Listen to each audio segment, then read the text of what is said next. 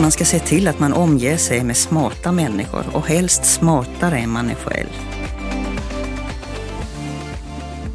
Välkomna till Kvinnor som äger. Den här podden är utgiven av Burenstam och Partners och är en podd om entreprenörskap. Vi kommer att träffa kvinnor som äger och driver bolag och få ta del av och inspireras av deras resa från idé till framgångsrikt bolag. Vi som driver den här podden är jag, Linda J Liljesköld och Anders Bok Hallström. Pirko Turpevski Kyllönen blev inte nöjd med sitt betyg i svenska. Lämnade Finland och åkte till Sverige för att höja betyget, men stannade kvar och driver nu ihop med sin man företaget Språkservice i Sverige. Pirko värjer sig lite grann för titeln entreprenör eftersom det främst är passionen för professionen och kärleken till språk som driver henne. Anders letar fruktlöst i Pirkos barndom efter en entreprenörssjäl och Linda testar sin spanska. Välkommen hit Pirko. Det är jättekul att du vill delta i vår podd. Och, eh, vi sitter ju här nu på Burenstam Partners eh, kontor i Malmö. Och Pirko, du är ju uppvuxen i Helsingfors i Finland och eh, flyttade till Sverige för att du inte var helt nöjd med eh, ditt betyg som du fick i svenska. Och eh, sedan byggde du ett väldigt framgångsrikt bolag eh, som idag nästan omsätter en halv miljard tillsammans med din man. Och då blir man ju lite nyfiken på vad som byggde upp till, till denna framgång. Men först skulle vi då vilja höra lite mer om din bakgrund. För att du är uppvuxen i en stor familj Ja, det är jag. Berätta lite mer om, om din uppväxt. Eh, jag är uppvuxen i en familj med eh, nio barn totalt. Det är en ganska stor familj. Ja, det är det verkligen. Det är en stor familj. Min pappa brukade säga när, när folk poängterade att men gud så många barn. Så, så brukar min pappa säga ja. Peka ut den som är överflödig så nackar vi den. det är ganska bra vinkel på det faktiskt. Ja, Vad jobbade din pappa som då på den tiden? Han var målare, målarmästare var hans titel då. Okay. Så att han med egen firma? Med, ja, han hade en egen firma ett litet tag men det gick inte så bra. Eh, så, och sen så blev han eh, eh sjukpensionär ganska tidigt. Han fick ganska svår eh, eh reuma, reumatoid artrit. Mm. Ja. Så du kommer ju inte från en entreprenörsfamilj egentligen. Inte alls. Nej. Men eh, hur har din uppväxt präglat dig tror du? Vad har du fått med dig från din, din eh, barndom? Med dig i entreprenörskapet? Jag tror, eh, ja, vad ska jag säga, alltså jag tror att, att det är viktigt att eh, sköta sig. Att det är viktigt att eh, slutföra det man har påbörjat. Mm. Eh, I min familj var det inte tänkbart att man skulle påbörja någonting och låta det ligga sen. Mm. Utan har man börjat någonting så slutför man det. Um, Lite ja, ordning och reda? Ja, ordning och reda och att, att, eh, att det finns någon sorts ära i det man företar sig. Mm. Men du gjorde ju resan då när, när du inte fick det där högsta betyget i, eh, i svenska. Så mm. flyttade du till Sverige. Ja, jag gjorde det. Sen träffade jag ju någon kille såklart. Varför skulle man inte göra som 19-åring? Och så tänkte jag, okej, okay, jag kan flytta på planerna lite och se vad det blir av detta här. Och sen så, så småningom så träffade jag pappan till mina eh, äldsta barn. Mm. Och så gifte vi oss och jag blev gravid och sen så till sist så blev det så att eh, ja, nu är jag här. Men, men innan du började jobba eh, som tolk eller med dina språk så hade du massor av andra jobb. Mm. Och eh, berätt, berätta om det, vad har de jobben lärt dig eller har du fått någon insikt från det? Under den tiden? Alltså jag gjorde precis allt möjligt. Jag städade och eh, vad gjorde jag mer? Jag jobbade som telefonförsäljare, vilket var helt värdelöst. Jag är världens sämsta försäljare. När folk säger att du menar väl inte att jag ska verkligen köpa sånt här skit så kunde jag bara säga att ja, nej, jag håller med dig. Tack så mycket.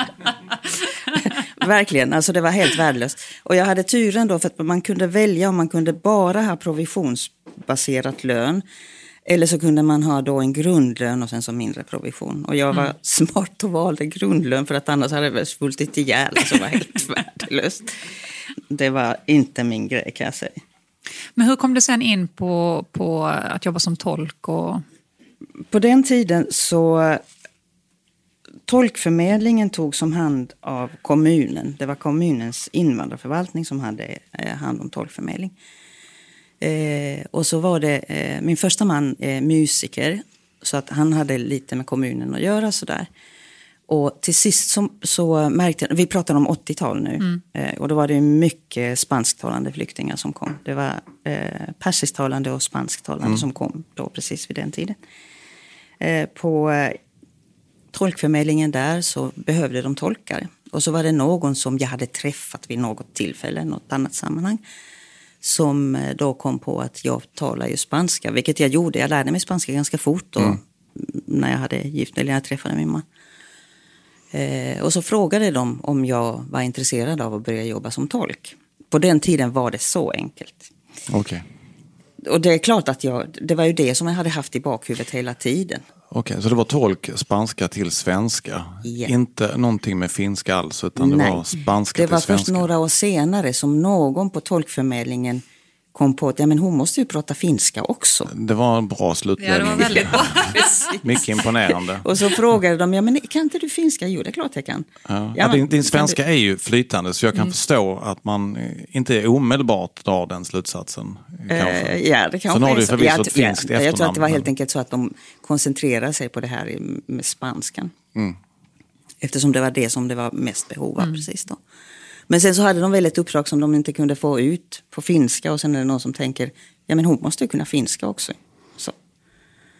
Eh, och då började jag jobba som finsk tolk också, men det var framförallt spanska för Mm. att finska tolkningar är många, många, eh, de är alldeles för små, eller för få för att kunna försörja sig. Men hur kom det sig att du lärde dig spanska? För det pluggade du inte under eh, Nej, det gymnasiet. Gjorde, nej, det gjorde jag inte. Utan det handlar om att min första man var spansktalande. Mm. Och det tog typ tre månader innan jag fattade att min spanska faktiskt hade blivit bättre än hans svenska. Okej. Så eh, Så ni började kommunicera på spanska? Ja, ja. Jobbade han som musiker eller var han musiklärare? eller? musiker, musiker. Och sen så han gjorde också ströjobb. Eh, Okej. Vilket instrument var han spelade? Gitarr och han, eh, han sjunger fortfarande väldigt fint. Och det är rätt intressant för att min eh, nuvarande man har också bakgrund som eh, musiker. Så? Du faller för musiker? Ja, ja alltså det är någonting med dem där. Det är någonting med killar med gitarr? ja, eller? det är det, eller hur? Som sjunger vackert. Ja, ja. Tog någon av dig dem ute på någon dejt där de spelade då? Eller har, du, Eh, har du någon sån? Nej, alltså jag, min första man bara råkade springa på på något Okej. ställe och så. Eh, och eh, min andra, det låter som att, att eh, min andra man, min tredje man, min fjärde man, men de är faktiskt bara två. Ja. Eh, han eh, jobbar ju också som tolk, så vi träffades i tolksammanhang. Om vi kommer in då på, på din nuvarande man. Du träffade honom, var det 1996 någon gång? Nej, 94... 95. 95 Ja. måste det ha varit. Och, och, och det, är här, eh, det, det är honom du driver eh, språkservice med. Mm. Och, eh, kan du inte berätta, hur, hur kom det sig att eh, den här idén tog fart? Ehm, vi jobbade som tolkar då, båda två, uppdragstagande tolkar. För eh, ehm, alltså några år innan dess så hade kommunen gjort sig av med tolkförmedlingen och lagt det på entreprenad. Eh, och då köptes det av en privat aktör då, som eh, då hade skött det här under ett par år. Eh, och jag och min man, vi var inte helt nöjda med hur allting sköttes och, och vi tyckte att det behövdes någon sorts professionalisering av hela yrket, hela branschen. Och sen så när det var upphandling om tolktjänsterna i Malmö, där primärvården också ingick, mm så tänkte vi att vi lägger in ett anbud helt enkelt. Ni två bara? Eller var ni Det var bara vi två då i början. Eh, och eh, då hade vi ett register av tolkar. Min man hade då redan innan haft ett, eh, en en enskild firma som han fakturerade sina uppdrag genom. Och sen mina uppdrag. Och sen så var det ett gäng andra tolkar som ville också få sina uppdrag fakturerade genom hans enskilda firma. Hur många var det ungefär? 80 stycken kanske 80 stycken, var ganska många ja, ändå. Ja. Mm. ja, alltså det var de Ja. som, som eh, eh, vi fakturerade för, eller som min man då fakturerade för. Och sen så ett antal andra som bara fick frågan, skulle du vilja vara ett register om vi startar en? Ja, visst. Ja, men det, har ni ju, det hade ni ju rätt mycket mer där i det, detta register och kunskapen om vilka som man kunde vända sig till.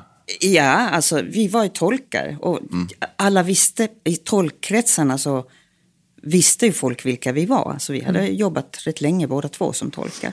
Eh, jo, så bestämde vi att vi lägger in ett anbud och ser vad som händer, typ. Och så fick vi avtalet då. Blev ni överraskade då? Ja, det blev vi. Vi hade tur då för att man, eh, det var en ganska lång sträcka där. Idag är det ju så att när man avgör en upphandling så kan det vara två veckor och så ska avtalet vara igång. Mm. Men eh, då var det så att vi fick eh, besked om detta i februari någon gång tror jag. Och sen så skulle avtalet vara igång i april, den första april. Eller något sånt där. Så vi hade ett par månader mm. där mm. att sätta ihop allting som behövdes. Så det var kontor, datorer, eh, tolkar, det var ganska mycket ni skulle ordna på den där det korta tiden. Det var jättemycket. Mm. Och vi skulle också ut till de tolkarna som inte fanns hos oss än. Ja. För att de skulle ha möjlighet att skriva in sig hos oss. Ja. Eftersom det här avtalet skulle starta. Så att vi, vi körde runt i hela stan och la upp lappar på eh, vårdcentraler och där vi visste att tolkar finns. Alltså lappar dag. på anslagstavlor? Ja, på anslagstavlor där det stod helt enkelt att nu är det vi. Att vill du jobba hos oss så ta kontakt med oss. Mm. Det är som födda på 90-talet kan jag säga att det var så man gjorde då. Det var så man gjorde då, absolut. Ja. Visst var det så. Mm. Finansieringen tänkte jag på. Jo, så här är det när eh, tolkarvodena ska betalas, alltså man skickar ut faktura till kunder och så har kunderna 30 dagar på sig att betala den fakturan. Mm. Men tolkarvodena måste betalas innan. Tolkarna ska ha lön varje månad. Så att där kom den där dippen där vi tänkte hur ska vi fixa detta nu? Mm. För att då hade vi inte mycket pengar kvar av det som vi, vi från början hade. Och då tänkte vi att vi kommer att behöva ett lån. Det låter som en checkkredit. Ja, fast det, var, det blev inte checkkredit då. Vi, vi ville ha antingen ett lån så att vi klarar av att betala lönen. För det som hände då var att det florerade jättemycket rykten om att det här är inte seriöst eftersom vi kom från ingenstans. Mm. Okay. Det här är inte seriöst. Vem var det som spred sådana rykten? Var det konkurrenter? Eller konkurrenter, var det... det var vissa tolk vad vet jag. Mm. Alltså, och sen har vi ju fattat i efterhand har vi fattat att det här med eh, tolkar Ibland handlar det om att man som tolk har fått en särställning hos en leverantör på ett eller annat sätt. Och sen när det blir en ny leverantör så vet man inte längre var hamnar jag nu ja. i, mm. i rangordningen. Så att det, ingen gillar förändringar. Nej. Alla vill att det ska vara precis som det alltid har varit. Så det var till och med någon som trodde ni skulle flytta pengarna ja, till Bahamas? Ja, alltså det var någon som spred ett rykte om att, att nej, de kommer inte betala ut några löner. Vänta bara ska ni se. När de har fått ut det de har fakturerat så kommer de att ta pengarna och dra. Mm. Jag kan säga att vår första fakturering var 300 000 så att det är inte mycket att hänga i julgranen. Vi hade inte kommit särskilt långt med de pengarna. Nej. Men det var det folk sa. Och det var ju ytterligare en grej som gjorde så att vi bara sa att nej, detta ska gå. Mm. Och alltså att vi kommer det inte... lite? Ja, mm. alltså jag vill inte försvinna ut i historien som den som lurade folk på pengar. Mm. Aldrig i livet. Så då traskade vi in på en bank. Jag kommer inte säga vilken bank det var, men jag är fortfarande lite sur för det. Och eh, visar upp fakturorna som vi har redan skickat ut till kommunen. Att de här pengarna kommer att komma in inom en månad. Eh, och menar då att vi, vi skulle ha en checkkredit eller ett, helt enkelt ett lån om de föredrog det. Nej, säger de. De här fakturorna, jag vet inte vad det här är för något. Det är kanske är någonting som ni bara tryckte ut och vad vet jag. Så nej, inga pengar. Mm.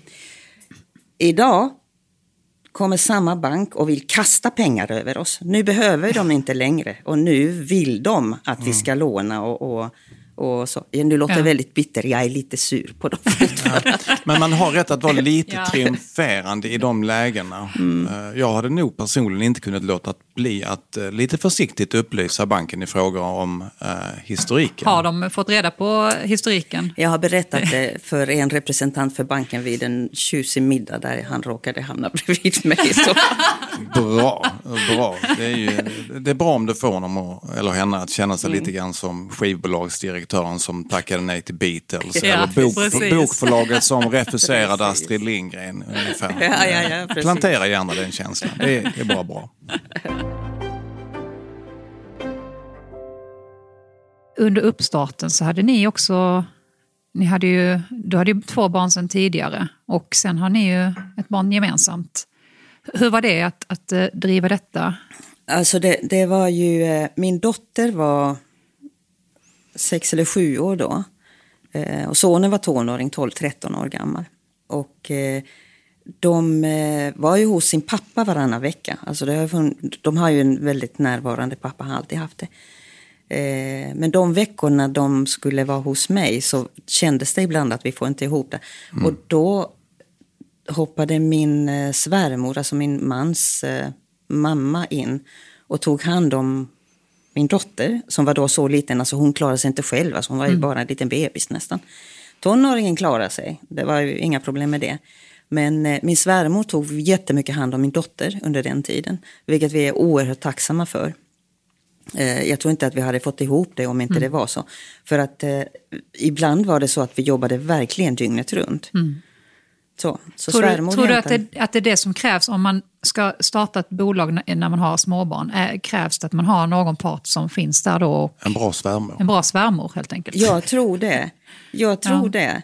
det. Eh, alltså är det så att, att eh, både mamma och pappa är med i, i någon sån här eh, företag så, så tror jag att man måste ha lite eh, back trupper. Mm. jag, jag, har faktiskt också en svärmor som verkligen ställer upp. Jag och min man hade nog inte klarat oss utan henne. Yeah. Och då, det, vi jobbar ju båda två heltid, så vi har ju inte ett företag som vi ska driva runt. Men, mm. ja, det, ja, men det räcker ju med ett nej. heltidsarbete ja. för att det ska bli tungt. Ja. Så är det. Men nu, idag finns ni över hela Sverige. Vem, eh, vilka är era kunder framför allt? Eh, landsting, kommuner, polis, Domstolsverket, Arbetsförmedlingen, Eh, Försäkringskassan, i princip hela den jag, offentliga förvaltningen. Jag är lite nyfiken på det här, när ni började då på 90-talet så, eh, som du sa, det var ju, då fanns det ju en, en spansktalande grupp mm. eh, från eh, den politiska utvecklingen som hade varit i Sydamerika. Sen så pratade de om den persiska gruppen från revolutionen i Iran, eh, där många flydde. Men sen kommer då inbördeskriget i, i Jugoslavien eh, på 90-talet och nu senare så har vi ju fått en stor grupp från eh, både Afghanistan, och Syrien och eh, Somalia. Har, har ni lyckats eh, hänga med i den utvecklingen? Det gör man aldrig i den här branschen. Det gör man inte. Eh, tillgången och efterfrågan möter aldrig i princip. Det är jättesvårt.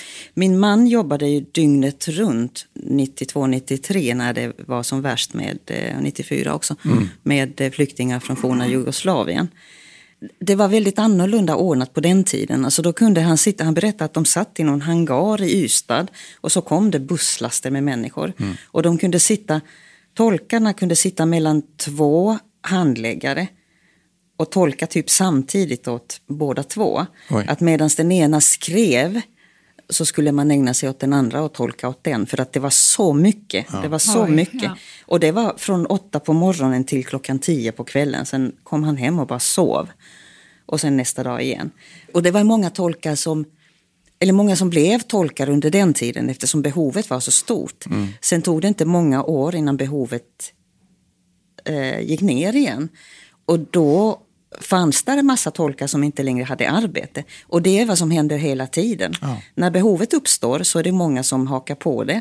Och sen så försvinner det så småningom och sen mm. har man en massa tolkar som inte har någonting att göra längre. Eh, rekryterar ni tolkar från, eh, om man tänker på den gruppen som kommer från exempelvis Syrien? Eh, att man, så när de har lärt sig svenska, eh, har de en tillräckligt hög kunskapsnivå för att kunna fungera som tolkar eller kräver ni mer än så? Nej, det krävs mer. Det ja. räcker inte att man kan tala ett annat språk. Inte ens att man talar ett annat språk flytande.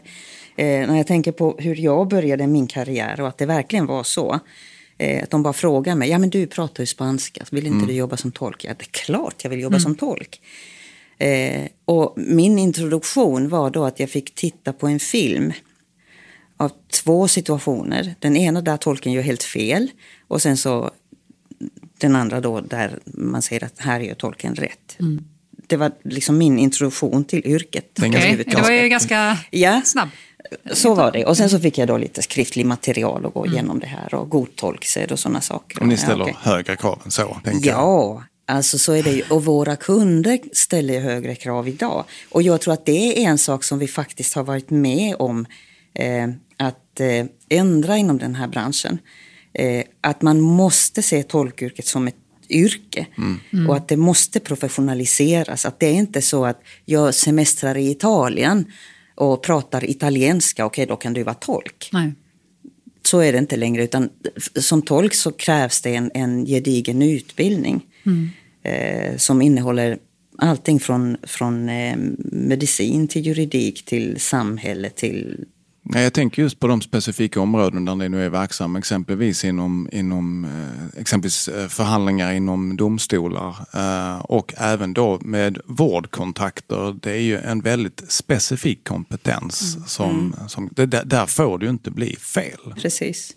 Och det är ju därför man som, som för den som arbetar som tolk, det är oerhört viktigt att, att man kan realian också kring mm. varje ämne. Det mm. räcker inte att man kan språket. Och det räcker inte att man kan, även om man skulle ägna sig att, att lära sig terminologi, det spelar ingen roll att man kan man kan översätta ett, en viss term mot en, en, annan motsvarande om man inte förstår sammanhanget. Mm. Nej, men det, det, är helt omöjligt att, att uh, översätta. Hur ser du på framtiden med eh, artificiell intelligens och möjligheten att maskiner eh, mer och mer kan ta över så att säga både rena översättningsuppdrag men kanske också i framtiden tolkuppdrag. Kommer det att ske under, under i närtid eller, eller alls? Översättningar gör man redan eh, genom maskinöversättningsverktyg eh, väldigt långt. Jo, jag har läst en del bruksanvisningar som har varit rätt intressanta. Ja, fast det, det, där, ja, det där, jag vet, alltså det är helt värdelöst. När chicken, chicken saté i ett recept blir till eh, fega kycklingar eller något sånt. Eh, så att det är klart. Eh, men eh, översättarnas arbete har ändrats en hel del.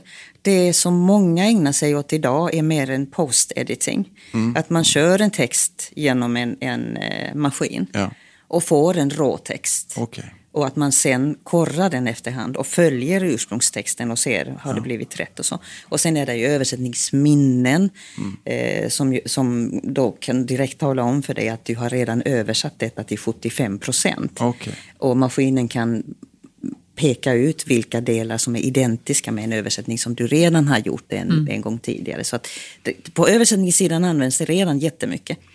Eh, jag har jag vågar inte säga någonting för att det här är lite som, som innan elektriciteten kom mm. igång så trodde folk aldrig att det kunde funka överhuvudtaget. Alltså, man ser ju inte det, så vadå elektricitet?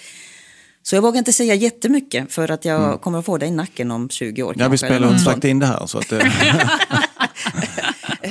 jag tänker nu, nu är ni ju jättestora i Sverige. Mm. Hur ser planerna ut framöver? Ska ni expandera ut? Till andra marknader? Ja, det vill vi gärna. Vi förstod ju ganska tidigt att, att om vi vill eh, att bolaget ska bestå och inte skrumpna och dö ut så måste vi se till för det första att vi har överlappande avtal så att man aldrig är beroende av ett enda stort avtal. Så innan det här stora, eller det här stora, det här första Malmöavtalet gick ut så hade vi tecknat avtal med, jag tror att det var Sörmlands läns landsting på den tiden. Så att de överlappade varandra. Ifall vi skulle tappa det ena så har vi kvar det andra. Jag känner att eh, dels är det ju det här som jag sa innan att det man har påbörjat det ska man slutföra. Och att det får inte gå åt skogen. Alltså vi ska se till att det blir bra, att vi lyckas. Men sen eh, eh under årens gång här så har jag också fattat att det finns faktiskt en himla massa människor som är beroende av att det här bolaget består. Mm. Alltså vi har, idag har vi runt 100 anställda eller något sånt där. Och kanske 3-4 tusen frilansare. Som på ett eller annat sätt. Frilansarna kan få sina uppdrag någon annanstans ifrån mm. också om vi skulle tappa avtalet. Men vår personal kan inte det. Alltså de har ju sin försörjning genom mm. vårt bolag. Så att det är det man har i bakhuvudet hela tiden, lite grann. Eh, alltså det är inte så att man bara kan säga att nej, nu lägger jag av och jag vill inte mer och, och så. Det, det, går inte. Alltså man måste ju se till att, att bolaget eh, består. Och eh, vi ser att där, där eh, sker en konsolidering i branschen nu. Mm. Det är många stora aktörer som kommer in och som vill köpa mindre aktörer och, eh, och så. Vi har blivit uppvaktade under många, många år från olika håll. Och det är private equity framför mm. allt. Mm. Det är utländska bolag som vill komma in på den svenska marknaden. Mm. Och det har vi inte velat, velat ge oss in i. Alltså det känns inte som att det är det vi vill för vårt bolag. Men samtidigt, om vi inte vill det, så måste vi se till att vi blir aktörer att eh, beakta mm. utomlands också. Ja. Eh, så eh, planen är, är nu att vi ska expandera till framförallt till nordiska marknaden, till mm. Norge, eh, Danmark och Finland. Det är det som ligger närmast till hands. Sen finns det ju andra marknader också. Men man ska inte gapa efter för mycket, alltså man måste ta saker och ting i... Tror du att du någon gång kommer tacka ja till något erbjudande från Private Equity-byråer? Eller är det så att du har en önskan om att det ska gå vidare eh, inom ja, men, familjen och generationer framöver?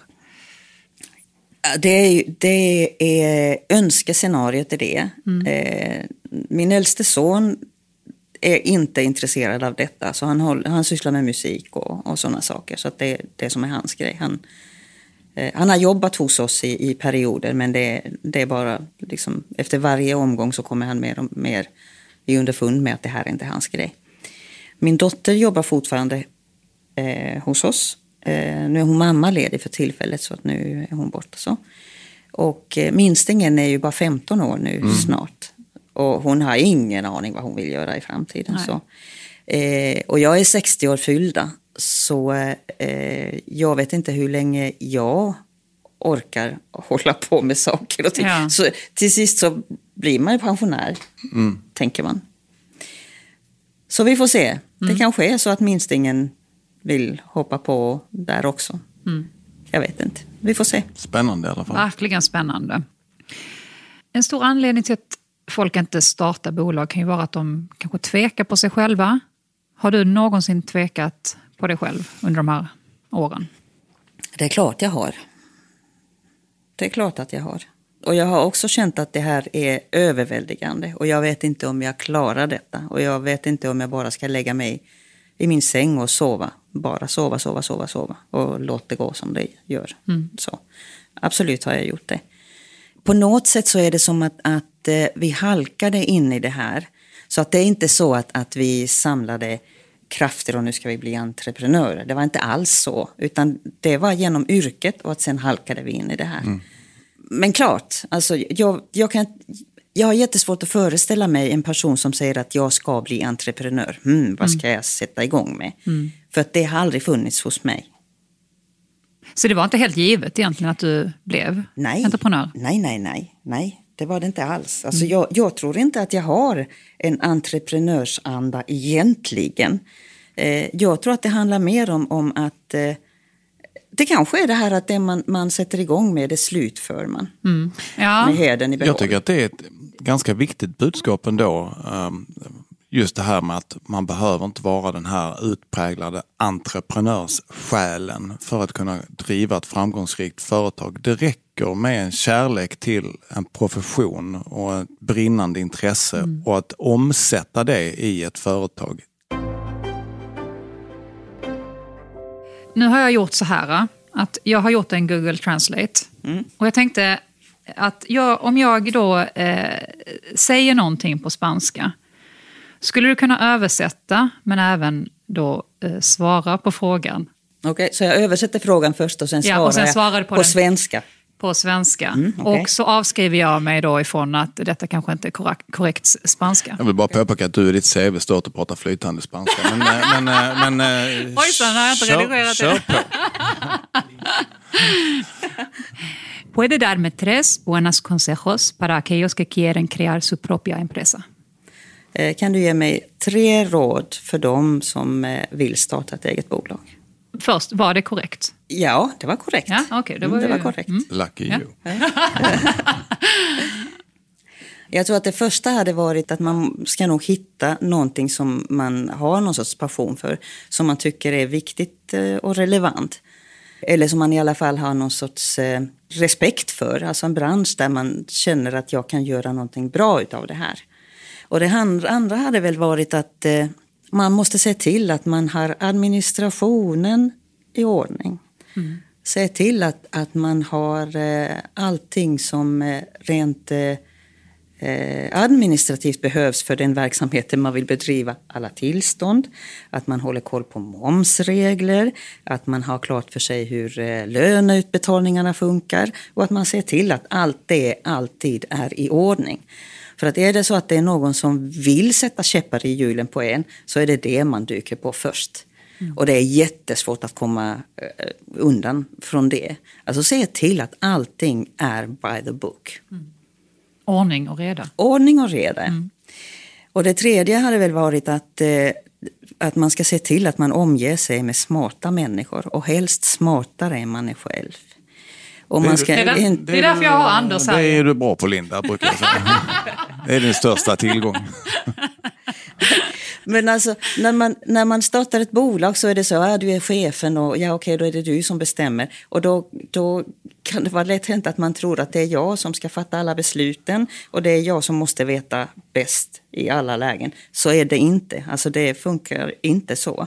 Utan man måste ta vara på den intelligensen och de smarta människorna som man ska omge sig med. Det. Mina bästa chefer har haft en ganska stor dos ödmjukhet. Och tydlighet givetvis, men också ödmjukhet. Det är ohyggligt viktigt. Ja, precis. Och det är ju det alltså att jag behöver inte... Jag kan lugnt säga att jag kan inte allt. Alltså jag kan inte. Är det någon av, av eh, personalen som ställer en fråga? Jag har inga problem att säga att jag har ingen aning. Men jag vet däremot vem som kan ge det svaret. Och det är ju jätteviktigt Mm. att eh, kunna göra så. Absolut. Tack så jättemycket Pirko för att du ville vara med idag och dela med dig av din resa. Ja, Tack så tack mycket. för att jag fick vara med.